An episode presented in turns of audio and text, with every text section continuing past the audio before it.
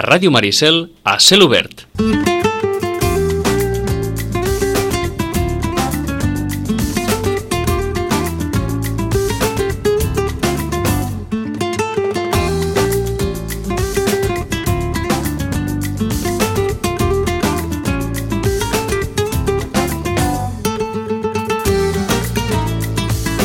Ho havíem de deixat en la setmana del llibre en català dels dies previs, vaja, la setmana de la, del llibre en català que portava un munt de novetats i una tardor especialment intensa des del punt de vista de les novetats editorials.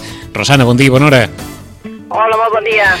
Ho havíem deixat a les portes de la setmana del llibre en català Sí, i ens anunciaves que a la setmana, bé, i en els dies previs de la setmana, perquè portem, em sembla que ja és des de final d'agost, assenyalant novetats, la setmana també va, em va presentar unes quantes i les taules deuen estar plenes. No estan plenes. En aquest moment sí que és un moment d'aquells de dir... Estan sortint molts llibres nous, això és veritat. És aquells de, de dir, ai, ai, ai, ai, ai, que ve la tardor, que ve la tardor, i la tardor ja està aquí amb totes les seves novetats, saps? Cada, ara, cada dimarts, dijous i de vegades també dimecres surten novetats. Eh? Ui, I de vegades de- que no hi ha dia, ja, ja és qualsevol dia de la setmana. Tre tres dies a la setmana de novetats? De, de vegades més. De vegades Depèn, més? o Saps què passa? Els grans grups, eh, o sigui, els dos grans grups, eh, el que sigui el Penguin, diguéssim, i el que és eh, Planeta, el grup Planeta, per dir-ho, eh, prefereixen fer-ho sempre Planeta dimarts i dijous, i els altres prefereixen de vegades saps, escollir dilluns, dimecres o divendres, o escollir Mhm. ja una data, que ja hi ha una data concreta, saps? Si, uh, per exemple, no? el Verde Verte, doncs el Verde Verte surt tal data, i no es pot posar abans ni després, aquell dia. Eh? D'acord. Doncs això és... Això és, el com que aquell, això és com aquells que a casa seva diuen el dijous paella i el divendres arròs blanc i el... Sí, Sí. sí. l'avantatge Va. és, saps que, que, és que normalment doncs, l'avantatge és sempre de dir, bueno, si és planeta segur que surt dimarts o dijous, saps? Saps? I dir, tret el planeta que surt un dia especial. Però, ja va, està, saps? però, però vaja, ara, ara recuperaríem aquella pregunta tòpica, no sé si en tots els anys de trajectòria que portes de llibretera Mm. a, havies viscut episodis de, de degoteig de novetats tan importants com els, com els d'aquesta època, vaja. Doncs, eh, la veritat és que no. Jo crec que surten més llibres més mm, que mai, o potser és la, la sensació que et dona, saps? Mhm. En canvi, els editors et diuen, no, no, és que estem rebaixant, estem rebaixant, no, no publiquem el mateix, publiquem, publiquem un 5 o un 10% menys, i jo veig més llibres que mai a les taules, saps? Vull dir que dius, bueno, hi ha alguna cosa que no, no va.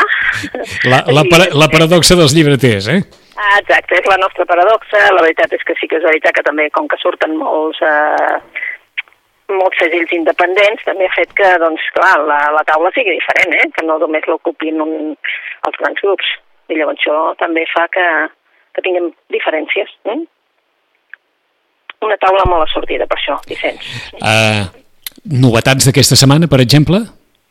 Novetats d'aquesta setmana, per exemple, ha sortit eh, en castellà, ha sortit eh, l'Alice Zeniter, una autora que encara eh, aquesta setmana és salamandra, a partir de la setmana que ve, del dia 1 d'octubre, és editorial Salamandra, però dintre del grup Penguin Random House. Mhm. mm? Perquè la van comprar fa uns... bueno, realment fa potser encara no un mes, no deu fer un mes més o menys, que van comprar Salamandra i per tant a partir del dia 1 d'octubre ja apareix dintre del, del segell de Penguin Random House, malgrat que continuarà sent Salamandra, eh? O sigui, ells continuen com a editorial, però estan dintre d'un gran grup, no mm. són ells, eh? diguéssim, que fins ara eren independents, doncs ja no ho són. Com, eh? passa, com passa en tantes altres àmbits, eh? Exacte, sí, sí. El que passa que aquest ha sigut bastant sorprenent, eh? Per Sí? nosaltres bastant sorprenent, sí. Sí, sí, sí, perquè no, no hi havia una causa econòmica, és una editorial que està totalment sanejada, vull dir, una editorial que, saps què passa? Que és la que va descobrir Harry Potter, per, per dir-ho d'alguna manera, en, en l'àmbit castellà. Ahà. Castellà vol dir també Sud-amèrica, ¿vale? i clar, mm, només amb el Harry Potter doncs ja, ja ha viscut, diguéssim, no? Mm, i. I realment són el que publica, com que publica mm, no desaforadament, sinó que publica uns llibres concrets a l'any, fa que això que, que, que tots els llibres, més o menys, de la seva manera, tinguin el seu raconet i facin la seva, saps? Publica molts concurs, publica um, molts premis que han sigut premis en altres països i, per tant, també tenen, són literaris i aquí té bona fama entre els llibreters. Bé, doncs l'Alice Zeniter eh, ens presenta una obra que es diu El arte de perder. Eh? I de què ens parla? Pues, eh, precisament aquell, ella va guanyar el Premi Goncourt eh, de Lisent, de Lisent a l'any 2017, eh? i també hem donat altres premis. Eh? Saps? Eh, els llibreters de Nancy també va considerar que era la millor obra, ha, ha estat una mica un fenomen. Eh? Uh -huh. I l'Alice Zeniter el que aboca és un, el destí de, de tres generacions d'una família, tres generacions d'una família que venen d'Argèlia. Eh? I la Naima, la Naima, ella se sent totalment francesa, és una noia francesa que treballa en una galeria d'art parisina. Clar, els seus pares, els seus avis eh, venen d'Argèlia, però ella se sent francesa i no vol aquest passat dels avis, la boca com a, amb, sense conèixer-lo, amb malaltia, però realment no voldria aquests lligams tan forts d'Argèlia perquè ella no, no se l'acaba de sentir seva, Argèlia. No, no li representa els arrels, sinó que són els del seu pare i els seus avis. Clar, és allò, aquell punt difús que té la família, eh, malgrat tot, clar, mm, viuen en una època de... És, estem al 2015 a França, una època de racisme, una època d'atemptats, una època en la que doncs, el color de la pell també també et fa doncs, fa que et parin, eh? Uh, clar, i això una mica la fa retornar amb la història del seu avi, de l'Ali. L'Ali és un home que estava a les muntanyes eh, i que va morir molt abans que ella doncs, eh, doncs pogués preguntar mm, sobre la seva història. Uh -huh. eh, la veritat és que la Naïma i els seus avis, diguéssim, la seva àvia, per exemple, no, no parlava la mateixa llengua, és a dir, ella només sap francès i per tant era difícil doncs, eh, establir relació amb, amb els avis, no? I clar, el Hamid, el Hamid és el seu pare. El seu pare era mm, un nano que l'any 62 van a parar en un, en un camp de refugiats, eh, a, a, que França va construir, i clar, mm, per ell eh, Argelia la porta al cor, però no, no li ha diguéssim que no ha volgut que els seus fills tinguessin també tot aquest passat i tot aquest passat dur. Bé, en definitiva el que farà la Naïma és recordar eh, buscar la història de la família i així el que veiem doncs, és una història com podria passar a moltes altres famílies franceses, eh, d'una història de tres generacions d'una família i la veritat és que és un llibre preciós. Mm. És una, sobre els orígens, sobre la identitat i sobre aquesta llibertat que han de tenir les generacions posteriors que d'aquests emigrants que han vingut donant el país. Ara no sé, ara no sé si és una sensació personal, però, però en els darrers dies de conversa de llibres, la literatura francesa, que, que està molt present ara. Sí, sí, perquè em sembla que vam parlar, no, diria que vam parlar de l'esqueix de la carn. Sí. Uh, sí, eh, del colgajo. Exacte. Sí. Uh, sí, ara també ha sortit en català l'Annie Arnaud, amb els anys, Sí, és com a... Ho, ho dic perquè que, eh, així com... eh? Exacte, així com fa mesos havíem parlat tant de, dels novel·listes nòrdics i de la novel·la de misteri, no sé què, diguem-ne que això s'està no sé si redirigint d'alguna forma cap a, cap a un altre tipus de literatura que ve, en aquest cas, de, de, de França o de centre Europa, en un altre registre, perquè està clar que no, no estem parlant del mateix. Mm -hmm. no, no, no. El arte de perder de com els dèiem en un moment, Alice Zeniter, guanyadora l'any 2017 dels Premis Goncourt i el Premi Literari del diari Le Monde, acabat de sortir per editorial Salamandra, El arte de perder. Per on seguim? Seguim per una que, més que, mm, que fa uns dies que ha sortit i ja és un dels llibres més venuts, eh, que no, té, no és novel·la, just estem parlant d'un periodista vilanovi que és el Francesc Marc Álvaro, mm Clar, ens ha presentat a l'assaig general d'una revolta les claus del procés català. I aquest dia se'n parla. Se'n parla molt d'aquest llibre. Eh, el Francesc Marc és col·laborador, ja ho sabeu, de, dels mitjans de comunicació i també fa doncs, que sigui conegut. Clar, per nosaltres és el Francesc Marc i és veritat que um, ara aquí ens ha volgut doncs, fer un assaig d'això, de, de les claus d'aquest procés català que avui dia, doncs, clar, que mm. diguéssim, ens voldria donar, ens voldria donar, suposo, unes claus. El dia 11, el proper dia 11, eh, és a dir, que uns dies sí. el, es presentarà aquí a Vilanova, perquè es va presentar a Barcelona, això que va ser allò de dir ja no hi cabia ningú no, més. No, ha fet un recorregut, ha fet un recorregut pels mitjans enorme Terrible, aquest llibre, eh? eh? Terrible, sí. Doncs eh, aquí es presenta el dia 11 i suposem també que serà doncs, un dels llibres aquells doncs, que hi assistirà molta gent. I ja que parlem d'una presentació, mm, us recordem a tots que aquesta tarda el Xavier Bosch ve a presentar al foment eh, paraules que tu entendràs. Bufa! Eh? Aquesta tarda a dos quarts de vuit tenim el Xavier Bosch al foment. Eh?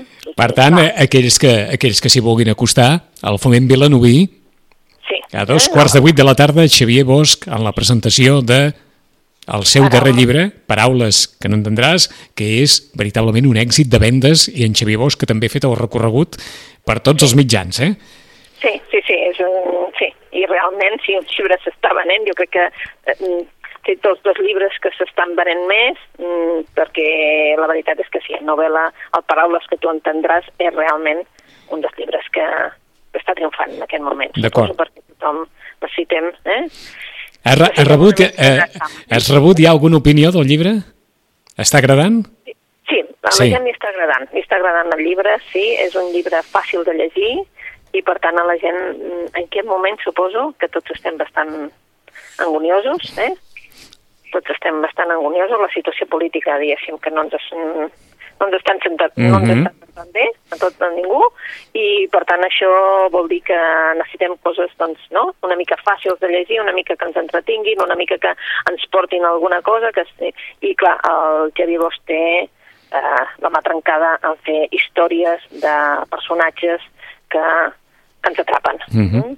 Gairebé podríem, eh, podríem fer un, un binomi entre Xavier Bosch i Rafael Nadal, eh? Sí, sí, sí. Sí, la veritat és que sí. De vegades dius... I quan, quan no és un és l'altre, quan no és l'altre n'és un, però són dos autors que especialment eh, estan arribant o han arribat molt al públic en general.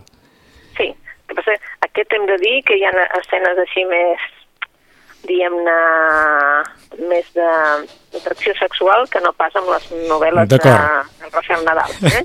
en aquest en concret, eh, en el paraules que tu entendràs, eh? Uh -huh. Hi ha escenes de, com, com molt, molt explícites. D'acord. Eh, això. I llavors també, però sí que és veritat que és un públic, doncs més o menys és eh, públic de, de tots els escriptors. Eh? Ah, doncs Xavier Bosch estarà avui al Foment Vilanoví a partir de dos quarts de vuit, avui és, eh? Rosana? Sí, sí, avui, avui, avui. avui. A dos quarts de vuit, amb paraules que tu entendràs, per tant, lectors, lectores d'un dels llibres de més èxit de les darreres setmanes, el Foment Vilanoví avui a partir de dos quarts de vuit. Sempre val la pena allò si l'autor cau a la vora, doncs aprofitar-ho. I en Francesc Marc Álvaro, amb aquest assaig general d'una revolta que sembla que no és un nou llibre més sobre el procés, sinó que hi ha alguna cosa que va bastant més enllà a l'anàlisi que fa Francesc Marc Álvaro l'11 d'octubre del 2019. En aquest cas, on serà la presentació? També el foment. També el foment.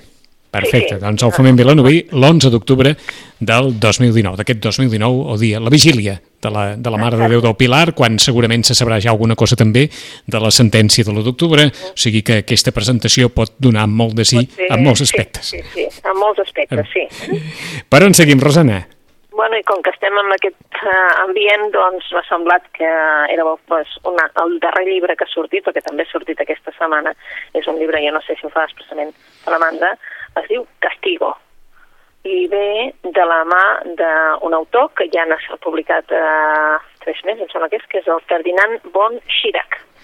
És un autor alemany, mm. és, uh, n'ha fet ja Crímenes, Culpa, i era Castigo, eh? i també va fer un altre que era el Caso Colini. Eh?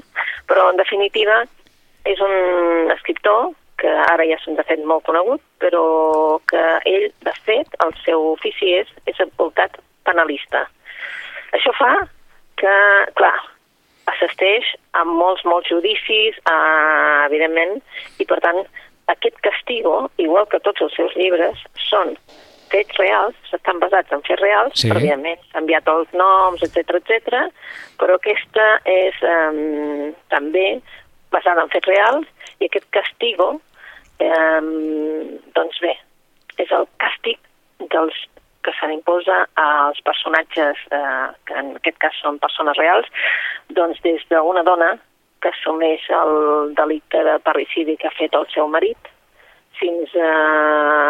Bé, mm, la catàstrofe que suposa que, un, que se, es canceli un judici perquè una, un home no està, no, se li dona com a no apte quan ja s'està fent el judici. Eh? Uh -huh. uh, un home que té les funcions del, del cerebre una mica que, que, que han sigut danyades i que per què li ha passat? Doncs perquè va, res, va relliscar amb les perles del collar que s'havia trencat la seva mà i que són situacions com a...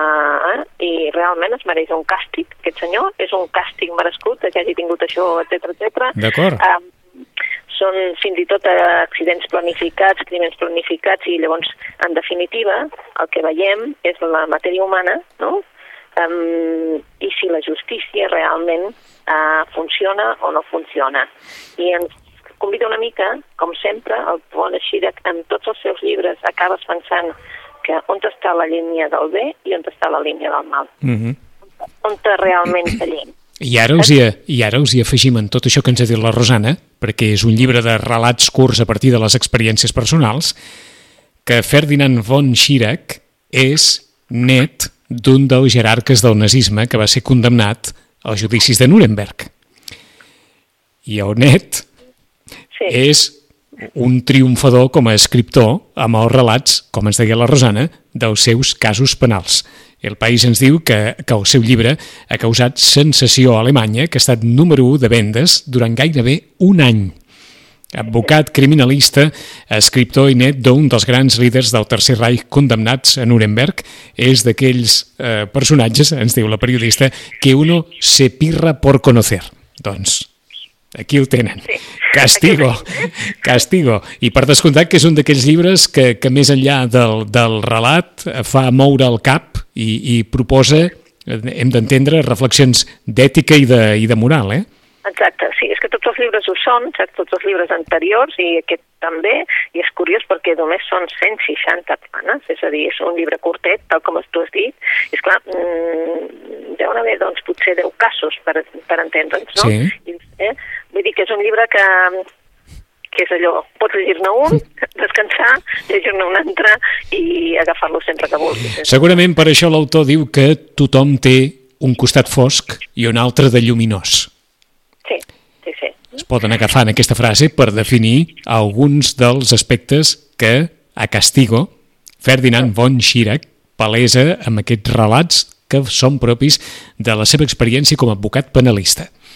El llibre que és, d'editorial Salamandra, amb edició catalana i castellana? No, no, no, de moment només castellà. De moment només castellà. Només castellà, D'acord, sí. doncs- Castellà. Castigo de Ferdinand von Schirach, una lectura, diguem-ne, que diferent, eh?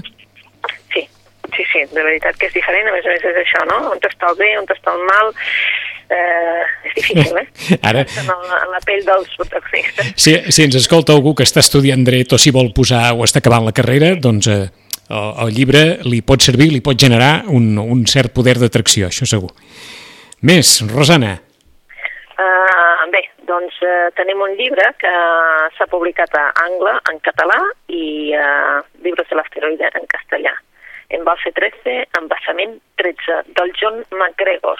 I quan això passa, dius, mm, algú passa perquè Angla i, i, i asteroide normalment van escollir títols molt concrets que que puguin tenir alguna cosa més, eh? no només allò, les novel·les aquelles que passen sense pena ni glòria. Bé, i aquesta és una novel·la que diries, mm, què té? Doncs bé, és un, un llibre sobre un cas mm, d'una nena desapareguda. És el cap d'any, eh, estan tots aplegats a, a, en, en un poblet petit, Uh -huh. uh, és un poble de l'interior d'Anglaterra, i de cop i volta els pares tornen i la nena petita ha desaparegut en el bosc. Eh? Ah, clar, comença una recerca de veïns, eh, policia, eh, mm, pares, familiars, però no la trobaran. Um, el cas s'allarga, s'allarga, setmanes, mesos, però, clar, de mica en mica aquest eh, cas que va ser que va trasbalsar tant un petit poble arriba a ser doncs només un tema de conversa. Tothom torna a la seva vida habitual i el John McGregor i la gràcia que té és que retrata doncs, eh, com continua la vida en aquest poble, les parelles que, com funcionen, com se relacionen, com se separen, relacions imprevistes noves, uns veïns nous que venen, amors adolescents, mm, i tot el que passa en un poble, no? Que un té enveja, que té eh, com s'enemista amb un altre, escàndols... Bé, um, són 13 anys mm, de la vida d'aquest poble sí. eh, que va canviant i que ens obliga a mirar totes aquestes petites coses, tots aquests petits gestos, eh, per veure com és la vida del poble i el que ha passat en aquest cas, que és com si no hagués passat res. Eh?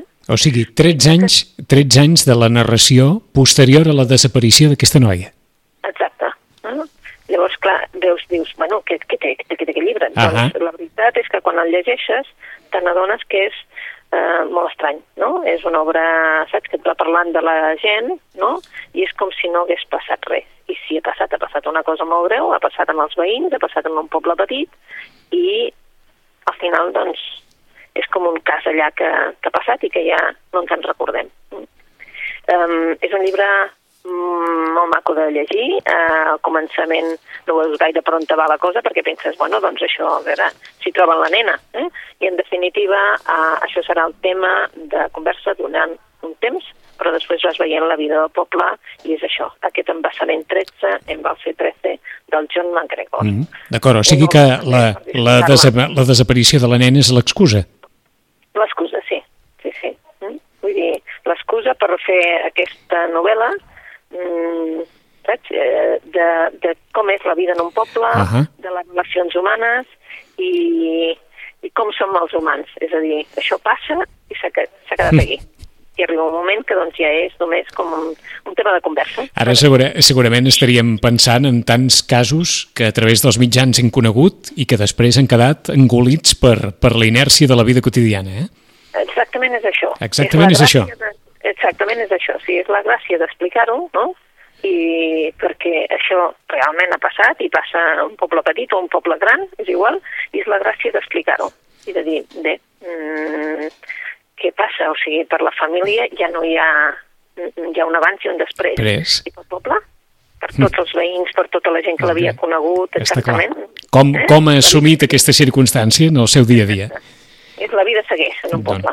De John McGregor, El embalse 13, editat per Libros de l'Asteroide.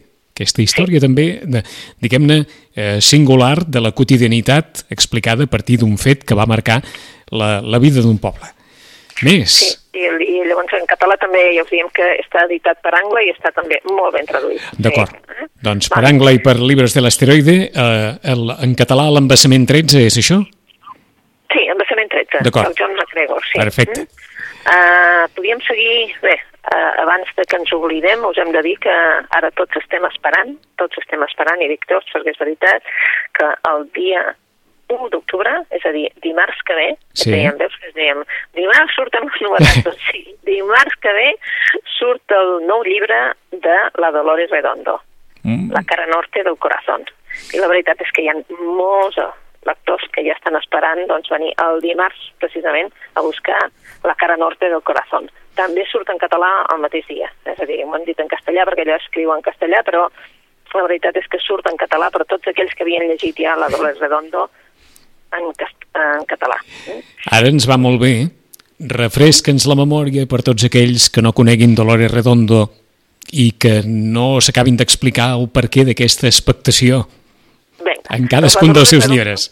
Sí, la Dolores Redondo um, ens va començar amb una novel·la que al començament es va vendre, però tampoc no era, i quan va començar la segona i la tercera ja va ser un èxit total. Dolores Redondo és una autora que el 2013, que, que va ser, va, començar va publicar la primera novel·la d'una trilogia. Es deia la trilogia del bastant. Uh mhm. -huh. Eh? Es va editar també en català i la trilogia del Bastant, eh? la trilogia aquesta del Bastant, situa la novel·la en el Bastant, són tres novel·les, El guardià invisible, El llegat dels ossos i La frena a la tormenta. Aquests tres llibres se situen al poble de Elizondo i a tota la vall que el rodeja. Uh -huh. Què va passar allà? Doncs bé, que representa que hi ha una, una policia, que és la Maya Salazar, que és uh, una dona que va néixer allà, és una policia que va néixer allà, però que va marxar per un tema familiar, etc etc que anirem recuperant al llarg dels llibres, que no hi vol tornar de cap de les maneres, que està formada, a, que va anar a treballar fins i tot a la CIA, va anar a col·laborar amb la CIA i va estar treballant a fora doncs, d'aquí, doncs, i que ara els seus jefes li demanen que està passant una cosa greu a Elizondo, a la vall de Bastant, i que hi ha de tornar. Hi ha d'anar ella perquè ella coneix el poble, ella coneix la gent i, a més a més, ella coneix també doncs, el tarannà de tothom. Què ha passat? Doncs sembla que eh, eh, estan apareixent cossos de nenes, eh, de criatures, doncs eh, mortes, i sembla que sigui obra d'un Basajaun. Un Basajaun és un animal, diguéssim, un ésser mitològic de, del, de l'ideal basc, saps? Els bascos uh -huh. creuen que els seus boscos estan habitats pels Basajauns. Evidentment, ella diu que ni Basajaun ni res, això és home és la mà d'un home, no? en aquest cas home o dona, eh? però vull dir que és sí. la mà d'algú, i a partir d'allà eh, doncs comencen les novel·les. Guardián Invisible, doncs, evidentment no acaba, eh, continuem amb... i també continua ella i la seva història, és a dir, va recuperant també per què ella no hi vol tornar, quina ha estat la relació amb la seva mare, quina ha estat la relació amb les seves germanes, i sobretot gràcies a una tieta és amb la qui realment doncs, ella doncs, aconsegueix eh, viure allà. Eh? T'ho preguntava perquè aquesta nova novel·la té alguna sí. cosa a veure amb la trilogia del Bazán o és una altra història? Sí, té a veure. Després ella té va publicar una altra... Un, ella després va, va publicar una altra novel·la que va guanyar eh, el Premi Planeta, però amb aquesta sí que no té res a veure. Té a veure amb la trilogia del Bazán. D'acord. Sí, té a veure perquè representa que és com si diéssim abans de la trilogia del Bastant. És que tu preguntava per si, d'alguna forma, a part de l'expectació i dels qui hagin llegit la trilogia del Bastant, mm. si hi ha algú que no se l'hagi llegida, eh, eh, li passarà alguna cosa si llegeix primer la cara norte del corazón i després es posa a llegir la trilogia del Bastant? Jo diria que no, però és clar, com que ho fem tan en secret, tan en secret, sí. no tenim el llibre, saps? Llavors, això es, es situa la novel·la, es, es situa el 2005, és uh -huh. a dir mhm. que, clar, i, i és abans de que, eh? Clar, la, ella només té... Mm, que ella representa que és quan ella va amb un curs a, a, a l'FBI als Estats Units. T'ho dic eh? mal que sigui per allò d'aconsellar. Mm? Per qui no hagi llegit res de Dolores Redondo, que treu llibre l'1 d'octubre, potser millor començar per la trilogia del Bazán i després ficar-se amb la cara norte del corazón. Uh, jo sí, però és que el que surt també, saps, hi ha una persona que surt, a, bueno, clar, hi ha personatges que surten també a l'altra novel·la. I jo diria, jo diria, eh, que ho faci com tothom, que hem llegit primer la trilogia del Bastant i després la cara nord, eh? De tota manera, sí. Um, Ho dic perquè a vegades l'expectació pot generar aquelles ganes de dir, doncs mira, em compro la cara norte del corazón i després resulta que em compro una part de la història que em resultarà difícil de, de contextualitzar si no he llegit la trilogia del Baztán. Exacte. Bueno, de tota manera us ho direm el proper dia. Està clar. Dimarts, jo no tindré les mans, eh? M'han fet aquesta mala passada, vull dir, veure, és un llibre per distreure't, eh? D'acord. És un llibre de distreure't, de dir, bé, doncs eh, necessito algú fresc, algú, mm -hmm. saps allò, que m'entretingui, que no pensi en res més, i això és la, normalment les novel·les policíaques eh, es, tot això. Es, eh? pot, es pot llegir la novel·la isolada sense cap problema? Jo diria que sí. Eh? D'acord. Vull dir, de tota manera, la uh -huh. propera d'això, us diem, ei, yeah. sí, la podeu sí, agafar. Eh? D'acord. Ja et dic, aquest serà el gran fenomen de la setmana que ve. Eh, tots els mitjans suposo que parlaran absolutament del mateix, però bé. Eh? I mentre alguns mitjans ens han parlat de Edward Snowden, eh? Sí, Edward Snowden, oh, que ha publicat, eh? que ha publicat uh, Vigilància Permanente, Vigilància Permanent, tant en català com en castellà. I encara ens deixàvem que també ha sortit molt Pérez Reverte. Sí, Pere Reverte, que també el tinc aquí. No sé ara, ara després aquí. anirem a Pérez Reverte, que també ha sortit tant als mitjans com, com ah, Edward exacte. Snowden, gairebé, eh? Exacte, sí. Vinga, Edward, Edward Snowden. Edward Snowden, ja sabem que era la veritat que va ser, clar, mm, un noi jove que el 2013 eh, es va atrevir a treure a la llum doncs, els, els secrets més guardats de, de, de la intel·ligència dels sí. Estats Units. I llavors, clar, eh, evidentment va haver de marxar. Eh? Va haver de marxar i a partir d'aquí doncs, ell eh, ens escriu aquest, eh, aquest llibre no? que ens parla doncs, de, de tot això, de la seva creuada i de per què eh? uh, d'aquest mur invisible, mm -hmm. dels hackers, de, en definitiva, d'aquesta vigilància permanent, que suposo, jo encara no he llegit, però suposo que aquesta vigilància permanent, que tots, tots tenim a sobre. Eh? Hi ha moltes entrevistes eh, amb Edward Snowden, sí, però el llibre és això, Vigilància Permanente. Permanente. Aquest és el sí. darrer llibre d'Edward Snowden i, òbviament, eh, eh, ja ha tingut la primera demanda, el govern nord-americà l'ha demandat precisament per publicar el seu llibre sense revisió prèvia revisió prèvia per part del govern, òbviament. Sí. per tant, amb, amb 36 anys, eh, eh, per descomptar que quan es jubili, si es jubila en algun moment Edward Snowden, i si arriba a l'edat de jubilació, que esperem, podrà escriure un, vaja, unes memòries eh, d'aquelles de, digne de president de govern. Eh? Però el, el llibre és Vigilància Permanente evidentment que allà tampoc no hi pot tornar, per tant, doncs, eh, serà un d'aquests que, que el tenim per aquí. Eh? Està clar. Uh, i, uh, sí, i després el que deies tu, doncs, ha sortit també com a novel·la així, doncs, de, mm, important d'aquesta tardor, doncs, a l'Arturo Pérez Reverte amb el seu Siri. Eh? Diu, Siri, un relato de frontera. Vale? Uh, la veritat és que, clar, veiem una il·lustració aquí, no?, de, d'aquell que ens imaginem que era el Cid Campeador, eh? Vale? Mm. Uh, clar, és una imatge allò feta així, saps? Com aquells llibres d'història que teníem abans que feien aquelles imatges, eh? D'un senyor amb el seu amb la seva espasa, amb la tizona i tot això, doncs, en definitiva, Siri ens porta doncs, la història del Cid, precisament. Eh? Um, què és, doncs, aquesta història? Pues, según digo él, no tenía patria de rey, solo un puñado de hombres fieles.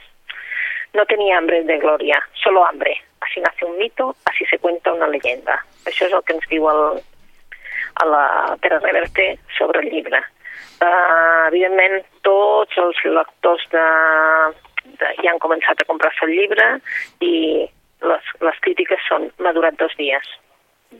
No, Només això. Que, com, com ho dius, això? No du... M'ha durat dos dies, m'ha durat dos dies, et diuen. No, no, no dura, aquell llibre no dura, ah, d'acord, vols dir que se l'han carregat o... o... Polit. Ah, polit que se l'han polit en dos dies, gràcies. Se l'han polit en dos dies, saps? Vull dir, m'ha durat dos dies. No, no, res, vull dir, comences a llegir, comences a llegir i ja està. Vull dir, clar, eh, bé, mm, és un relat de frontera, és un relat de, és una novel·la en el que evidentment, doncs, espases, no?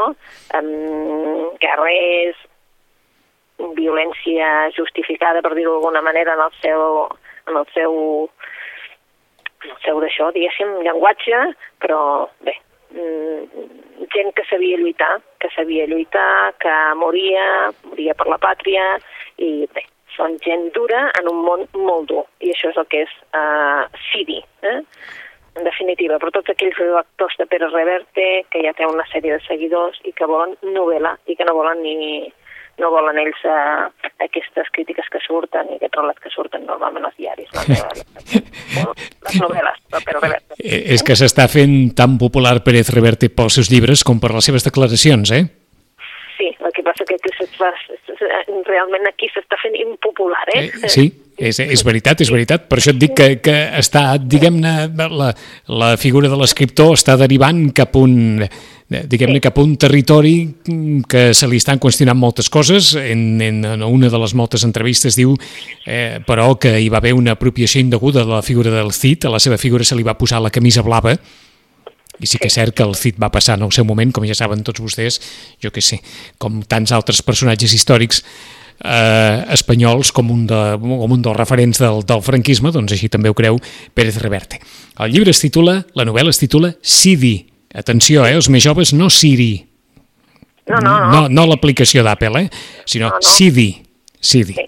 Aquest és el títol de la novel·la d'Arturo Pérez Reverte dedicada a la figura del Cid Campeador. Doncs, si algú s'hi vol posar, amb, amb Sidi, doncs també pot tenir una, vaja, no sé si diu una lectura per dos dies, però com, com comentava la Rosana, qui l'ha llegit diu que li ha durat que li ha durat dos dies. Doncs, qui s'hi vulgui posar. I en què podem acabar, Rosana? Doncs podem acabar amb una altra novel·la que també ha estat referent a fora d'aquí, més que aquí, que es diu Milman, de l'Anna Barnes. Eh? És el Premi Booker, aquesta passem a un altre registre. Eh, per què? Pues perquè se n'anem precisament eh, se n'anem a, a Belfast. Mm? Aquesta Anna Barnes és una autora nascuda, és, eh, va néixer el 62, um, va créixer en un barri catòlic uh, i, i ja és autora de diverses novel·les i aquesta precisament, el Newman, a fora ha tingut crítiques fantàstiques. Eh? De què parla aquesta novel·la? Doncs parla d'una noia, d'una noia que camina uh, per una ciutat, per una ciutat, i ella va llegint Ivanhoe, perquè és una, és una gran lectora, Ahà. és una noia jove, té 18 anys, i esclar, aquesta ciutat eh, de finals dels anys 70, que no ens diuen el nom, evidentment és Belfast. Eh? És l'època més cruenta del conflicte eh, irlandès, i de sobte hi, hi ha un paramilitar eh? eh, molt influent, que és conegut com tothom que li diuen el lleter, eh? Milman. Eh? I aquest Milman es fixa en ella. Eh? Atrapa la noia i bé, eh, tota la família assumeix de que, eh, que, que, que, és, que hi haurà un daltabaix i el daltabaix és que eh, la notícia correrà que és ella qui intenta seduir aquest home casat i de 40 anys. Evidentment, eh, um, és una obra de culpa, una obra de, no entens, de, de, diguéssim, de, també de referència a tot el que passava allà i com un, els que tenien la força doncs imposaven la seva llei. Mm. Recordem el títol de la novel·la? El, el títol de la novel·la és Lleter en, en, en anglès, Milman. Ahà, Milkman. Milman. Mm? Exacte. Eh? I llavors, clar, mm, doncs parla d'això, de la situació a, a Belfast en els anys 70 i una mica, doncs, això, què passava amb les noies, què havien de fer i què passa si un paramilitar es fixa en tu i realment es fixa vol dir que et té entre a la mirada. Eh? Eh? Es fixen les pitjors intencions de la paraula, vaja. en les pitjors intencions de la paraula i saps que no té diguéssim que la seva moral no serà Mhm. pas com la teva. Eh? La, la crítica, per tots aquells que, que no coneguin l'autora o que els cridi l'atenció la novel·la, diuen novel·la aterradora, divertida, en ocasions fosca, intel·ligent i lligada d'una forma subtil amb el moviment Me Too.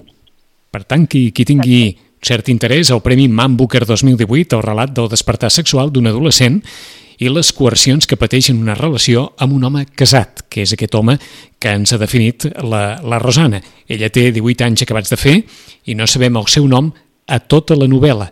Però això no impedeix, ens diu una de les crítiques, que no ens fiquem dins del cap d'aquesta germana petita en plena ebullició de la seva sexualitat i que pateix el setge d'un home casat, el lleter que dona nom a la novel·la. Un home de 41 anys, casat, que treballa de lleter la coneix mentre ella camina cap a casa des de la feina, llegint, com ens deia la Rosana, a Ivanhoe. Una novel·la dura, eh, pel que llegim. Sí, sí, una novel·la dura, sí, és una novel·la dura, però és una novel·la molt ben escrita. Um, ja et dic que a Anglaterra ha estat uh, èxit de vendes com a èxit literari i la veritat és que està molt ben traduïda per la Ah. Josefina Cavall i a mi m'ha encantat. He trobat que estava molt ben escrita i en aquests moments eh, que tu deies d'aquesta campanya del Sí, Me Too, per descomptat. en aquests moments en què també, doncs, eh, diguem-ne, que això passa des de fa massa. Uh Mm? -huh. I les novel·les poden donar també moltes claus sobre, sobre el context de les coses, eh? De, de, del per què passen, de com les vivim, com deies tu. Avui, avui hem tingut algunes novel·les eh, d'aquelles que retraten les convencions socials, la nostra forma de viure, etc etc. eh? Sí. N'hi ha sí, més d'una, eh? Doncs... N'hi ha més d'una, n'hi ha més d'una. Per això dèiem que teníem un, un, una tardor com a molt, saps? Sí. Com a molt, molt completa. Sí, i molt, i molt complexa. Hem, aquí hem trobat poca novel·la d'aquelles per distreure's directament sense pensar massa, sinó que avui la Rosana ens ha portat novel·les precisament per, per pensar força. D'Anna Barnes, aquest Milkman, la darrera novel·la que hem comentat avui, aquesta història d'un depredador sexual en contacte amb una adolescent.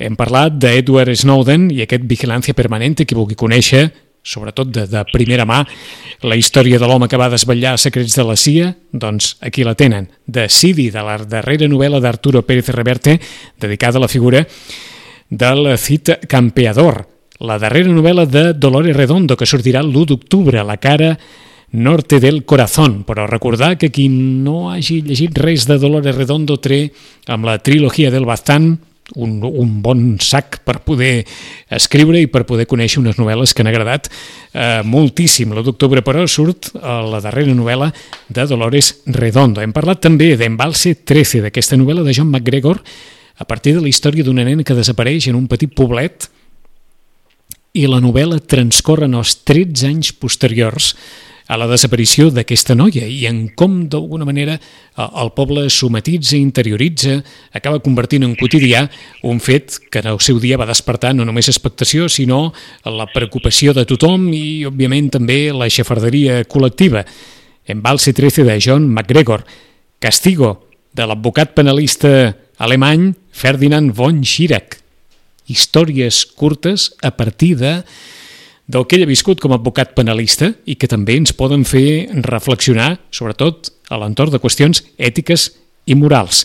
I assenyalar també que hem començat aquesta conversa amb El arte de perder d'Alice Nieder, aquesta història d'una noia d'Argèlia que treballa en una galeria d'art de París i que d'alguna forma recercarà la seva família, el seu pare i el seu avi. I també hem comentat, perquè es presenta l'11 d'octubre, assaig general d'una revolta, el llibre de Francesc Marc Álvaro i avui el Foment Vilanoví, Xavier Bosch, protagonista a partir de dos quarts de vuit, amb paraules que tu entendràs, que està sent un dels èxits d'aquesta tardor.